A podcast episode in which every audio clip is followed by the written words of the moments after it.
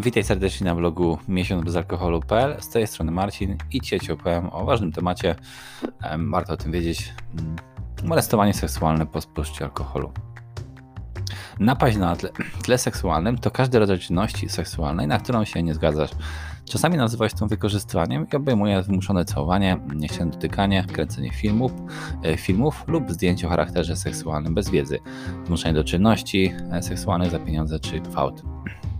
Napaść e, może przydarzyć się osobom w każdym wieku i dosłownie każdej płci.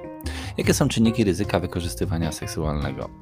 Alkohol jest najczęściej nadużywanym środkiem psychoaktywnym wśród studentów. Upijanie się to popularny, ale niebezpieczny sposób picia. Nadmierne spożycie alkoholu w krótkim czasie prowadzi do utraty przytomności. Czynniki te mogą zwiększać prawdopodobieństwo napaści na tle seksualnym.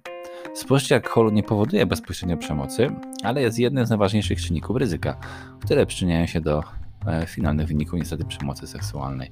Ofiara lub sprawca może być upośledzony przez alkohol. Etanol ma negatywny wpływ na struktury mózgu odpowiedzialne za zachowania seksualne i agresywne. Spożycie alkoholu zwiększa agresję, a u niektórych osób popęd seksualny i niestabilność emocjonalną. Ofiara będąca pod wpływem alkoholu nie może świadomie wyrazić zgody na czynności seksualne. Jednak, jeśli to jest oczywiste, za brutalne zachowanie seksualne oczywiście odpowiedzialny jest sprawca, nie ofiara. Większość napaści na tle seksualnym popełniają mężczyźni, którzy po spożyciu alkoholu czują się silniejsi, bardziej agresywni. Szacuje się, że co najmniej 50% napaści na tle seksualnym wiąże się z spożyciem alkoholu przez sprawcę lub ofiarę. Oczywiście dalsze badania na ten temat muszą się koncentrować na pracach eksperymentalnych, aby ujawnić rolę alkoholu e, w tych, tego rodzaju przemocy. Jaka jest różnica między flirtowaniem a nękaniem?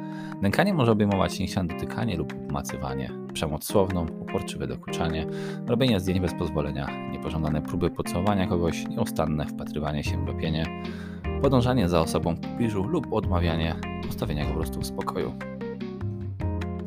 Sprawcy molestowania mogą próbować ukryć swoje zachowania, nazywając je flirtowaniem, przekomarzaniem lub śmiechem. Różnica między flirtowaniem a nękaniem to zgoda. Zgoda ma miejsce, gdy osoba zgadza się na coś z wyboru i ma zarówno swobodę, jak i zdolność umysłową, jest świadoma i rozumie, co się dookoła niej dzieje, aby dokonać wyboru. E, flirt polega na wyrażeniu zgody na czyjąś uwagę, ale zgodę w każdej chwili oczywiście można też wycofać. Tylko dlatego, że ktoś uzyska zgodę w przeszłości, nie oznacza, że automatycznie otrzymają ponownie dzisiaj. To byłoby na tyle. Dzięki wielkiej, do usłyszenia w. Trzymaj się, cześć.